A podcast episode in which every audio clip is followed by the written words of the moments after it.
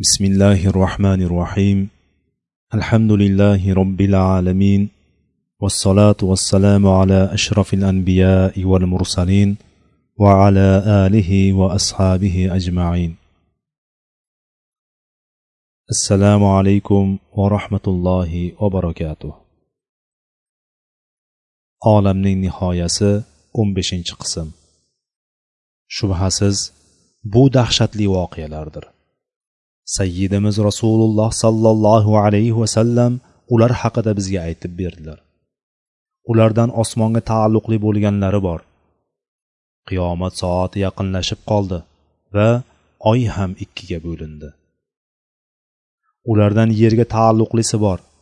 Ular uch marta yer yutishi. Kunchiqar tarafda kunbotar tarafda va shu yerda. Ha shu yerda. Arab yarim orolida yer yutishi yuz berishi. Ulardan samoviy jismlar harakatiga taalluqlisi bor. Quyoshning kumbatar tarafdan chiqishi. Ulardan biz ularni ko'rmagan va bilmagan maxluqotlarga taalluqlisi bor. Qachonki ularning boshiga so'zlangan azob tushganida biz ular uchun yerdan bir jonivor chiqarurmiz. U ularga odamlar bizning oyatlarimizga ishonmaydigan bo'lib qolganlari haqida so'zlar. Ulardan shunday alomat va belgilar borki ular payg'ambar sollallohu alayhi vasallamga taalluqlidir. U zot qiyomat oldidan olti narsani sana mening o'limim dedilar. Shuningdek men qiyomat bilan birga mana shunday holatda payg'ambar qilib yuborildim deya ko'rsatkich va o'rta barmoqlarini birlashtirdilar. Ulardan yana shunday alomatlar borki ular payg'ambar alayhissalomning ahli baytlaridan bo'lgan muborak zurriyotlariga taalluqlidir. U zot dunyodan bir kun qolgan bo'lsa alloh o'sha kunni uzaytirib mening ahli baytimdan ismi ismimga otasining ismi otamning ismiga monand bo'lgan yer yuzini jabr zulmga to'lganidek adolat bilan to'ldiradigan kishini chiqaradi dedilar. Uning talaygina sifatlari bor. Bu o'sha mahdiy al muntazor bo'lib dajjol uning davrida chiqadi. Mahdiy xalifaning o'limidan keyin musulmonlarga yetakchilik qilib ularni boshqaradi. U yetti yoki to'qqiz yil musulmonlarga rahbarlik qiladi. Alloh taolo unga yomg'ir yog'diradi va yerdan o'simliklarni undiradi. U mol dunyoni tarqatadi. Mol dunyoni hovuchlab beradi. Uni sanab o'tirmaydi. U solih podshoh bo'lib uning zamonasida dajjol kunchiqar tarafdan chiqadi. O'shanda mahdiy va uning hamrohlari madinada bo'lmaydilar chunki dajjol unga kira olmaydi. Shunga binoan ular shomda bo'ladilar. Dajjol ularga qarab keladi. U yer yuzida shamol haydagan yomg'ir kabi katta tezlikda kezadi. Xuddi suv va yomg'irga to'yingan. Shamol uning ortidan haydab kelgan bulut misoli kezadi. Shamol haydab kelgan yomg'ir kabi. Mahdiy va uning ashoblari tog'li joyga kirib toqqa chiqadilar. Va u yerdan o'zlariga qo'rg'on qilib oladilar. Dajjol kelib o'sha tog' yon bag'riga tushadi. Mahdiy va ashoblariga dajjolga qarshi kurashish mashaqqat tug'diradi. Dajjolning yonida esa yahudiylardan iborat yetmish ming harbiy va unga ergashgan johil kimsalar va askarlar bo'lib barchasi qurol va nayzalar bilan qurollangan bo'ladilar. Ular dajjolga qarshi chiqqan yoki unga qarshi kurashganlar bilan urushib dajjolga yaqin bo'lish yo'lini axtaradilar. Mahdiy va uning ashoblari esa arzimas qurol aslahalar ko'targan ozchilik kishilar bo'ladilar. Ular shu holatda uzoq vaqt turib qoladilar. Dajjol esa tog' yon bag'rida bo'lib ularni siqib qo'yadi. Musulmonlar xotin xalaj bola chaqalari bilan ba'zilari chorva mollari bilan birga bo'lib ularga taom ham ichimlik ham kelmas. Ulardan birontasi qo'rg'ondan chiqa olmaydi ham. Shu tarzda vaziyat keskinlashib boradi.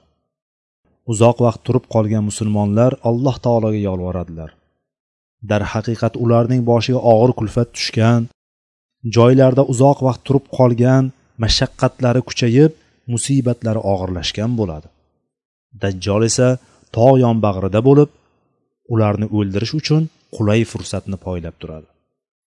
Mahdiy va uning ashoblari shu holatda davom etar ekanlar kechalardan birida tun nihoyatda qorong'ilashib ketadi. Ular tunda shovqin suron qilib axir qachongacha yeyajak taomlarimiz va ichajak suvlarimizni tugashini yoki dajjolning oldimizga bostirib chiqishini kutib o'tiramiz deb o'ylab qoladilar. Va o'sha oqshom maslahatlashib bomdodni o'qib chiqib dajjol bilan urushishga qaror qilishadi. Sonimiz oz bo'lsa ham mayli zero urushdan boshqa chora ham yo'q. Dajjol bizdan quvvatli bo'lsa ham mayli kurashamiz. Boshqa nima ham qilardik deydilar. Va urush qilishga kelishib oladilar. Keyin bomdod uchun azon aytib namozga takbir tushiradilar. Banogoh osmon eshiklari dars ketib ochiladi. Mahdiy va uning hamrohlari bomdod namoziga hozirlik ko'rib garchi dajjol qo'shinining soni va qurol aslahasi ko'p bo'lsa ham unga qarshi kurashishga qat'iy qaror qilib bomdod namoziga takbir aytishganlarida birdan dunyo qop qorong'u bo'lib ketadi. Hatto kishi qo'lini chiqarib qorong'u zo'rligidan qo'lini ham ko'ra olmay qoladi. Shu payt osmon eshiklari ochilib iso ibn maryam alayhissalom tushadi. U ikki qo'lini ikki farishtaning qanotlariga qo'ygan egnida avval sariqqa so'ngra zafaronga bo'yalgan ikki kiyimi bo'lgan holda tushadi. Uning egnida ikki bo'lak bo'yalgan kiyim bo'ladi. Sochi sip silliq bo'lib agar boshini quyi solsa undan dur misoli suv tomadi. Xuddi hammomdan chiqqan kishiga o'xshaydi. Ya'ni hammomdan yuvinib chiqqanga o'xshaydi. Iso ibn maryam damashqning sharq tarafidagi oq minoraga tushadi. So'ngra u mahdiy va uning hamrohlari oldiga boradi. Musulmonlar o'sha qorong'ulik ichida turar ekanlar iso ularning ichiga kirib qo'shiladi.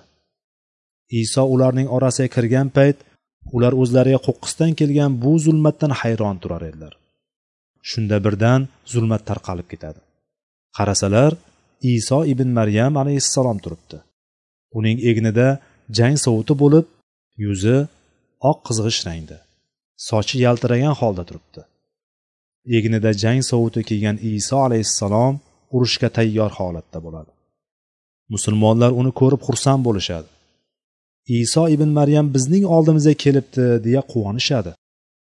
Iso ibn maryam ham ulardan xursand bo'ladi va ularning yuzlarini silay boshlaydi. Mahdiyning yuzini silaydi. Rasululloh sollallohu alayhi vasallamning zurriyotlaridan bo'lgan mahdiy va uning ashoblarining yuzlarini silaydi. Ularning yuzlarini muborak qo'llari bilan silab ularning jannatdagi darajalarini aytib beradi. Ha jannatdagi darajalarni aytib beradi. So'ngra mahdiy isoga qarata ey ollohning ruhi oldinga o'tib bizga namoz o'qib bering deydi. Yo'q deydi iso. Sizlar bir birlaringizga imom bo'laveringlar.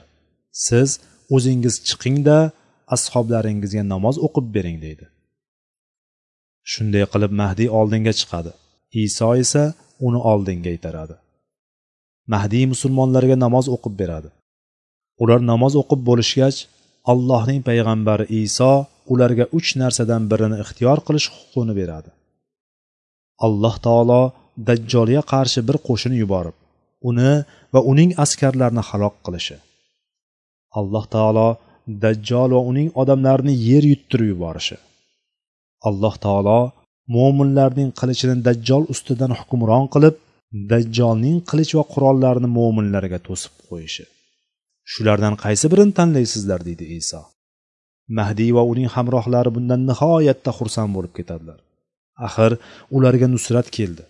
Ularga jannatdagi darajalari aytildi. Unda dajjol halok qilinadigan uch yo'l o'rtasida ixtiyor berildi. Alloh taolo bunchalar karami keng va sersaxovat bo'lmasa. Albatta biz payg'ambarlarimiz va ularga iymon keltirgan kishilarga dunyo hayotida ham va guvohlar hozir bo'lib turadigan kun qiyomatda ham yordam beraveramiz. Shunda mo'minlar ey allohning ruhi ey iso uchinchisi bizga suyukliroq deydilar. U ham bo'lsa alloh taolo qilichlarimizni dajjolga keskir qilib dajjol va uning hamrohlarini qilichlarini bizdan to'sib qo'yishidir. Uchinchisi bizga suyukliroq va qalblarimizni oromlantiruvchiroq. Zero dajjol ahlimizdan bir qismini o'ldirdi va mol mulklarimizni talon taroj qildi. Hamrohlarimizni fitnaga solgan ham shu dajjoldir. Uchinchisi bizga suyukliroq deydilar. Isoga ham bu ish ma'qul bo'ladi. Keyin qo'rg'on eshigi ochilib hammalari dajjol tomonga qarab tushadilar.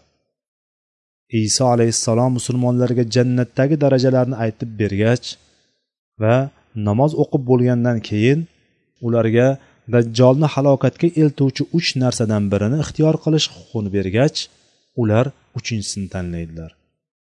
Nabiy sollallohu alayhi vasallam dedilar bizdan iso ibn maryam uning orqasida turib namoz o'qiydigan kishi bo'ladi. Go'yoki u zot ota onam unga fido bo'lsin o'sha holatdan xursand bo'ldilar. Alloh taolo payg'ambarlardan birini u zotning ummatlaridan birining orqasida turib namoz o'qiydigan qilganidan quvondilar. Alloh bunchalar marhamatlidir. Iso alayhissalomning imom mahdiyning orqasida namoz o'qishligi imom mahdiyning isodan afzal ekanini bildirmaydi. Aslo unday emas. Iso alayhissalom payg'ambarlardan biri va ul azm rasullardan hisoblanadi. Alloh farishtalardan ham insonlardan ham elchilar tanlab oladi. Mahdiy esa oddiy insonlardan bo'lib alloh taolo uni ummatni boshqaradigan qo'mondonlardan biri bo'lishi uchun ixtiyor qilgan kishidir. Isoning mahdiyning orqasida turib namoz o'qishi mahdiyning isodan afzalligiga dalil bo'lmaydi. Zero payg'ambarimiz sollallohu alayhi vasallam abu bakrning orqasida turib namoz o'qiganlar. Holbuki u zot ota onam u kishiga fido bo'lsin abu bakrdan afzal edilar. U zot abdurahmon ibn afga iqtido qilib namoz o'qiganlar. Vaholanki u zot ota onam unga fido bo'lsin abdurahmon ibn afdan afzal edilar. Fazilatli insonning fazilatda undan quyiroq kishining ortida namoz o'qishi unga zarar bermaydi. Mahdiy tushar ekan musulmonlar eshikni ochadilar.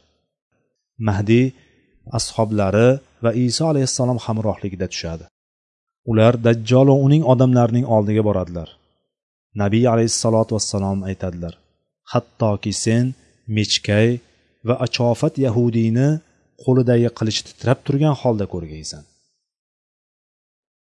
Alloh taolo ularning qilichlarini mo'minlardan to'sadi.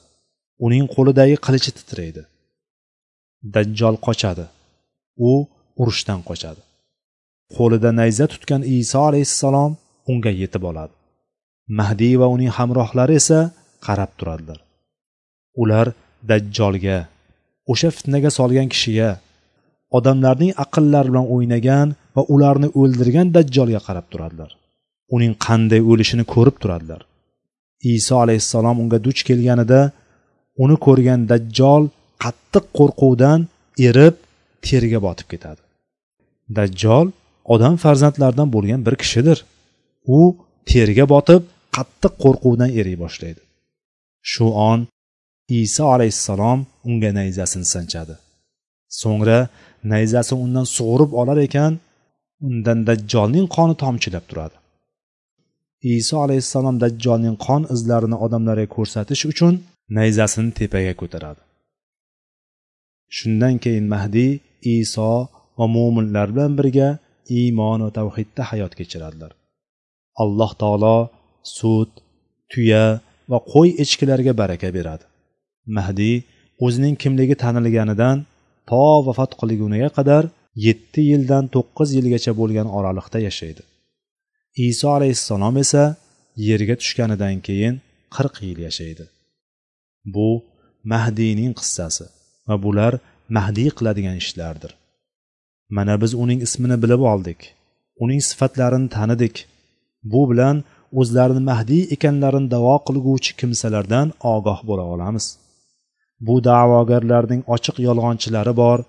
Yana ulardan mahdiyga o'xshab ketadigan va o'zini mahdiy deb o'ylaydiganlari bor.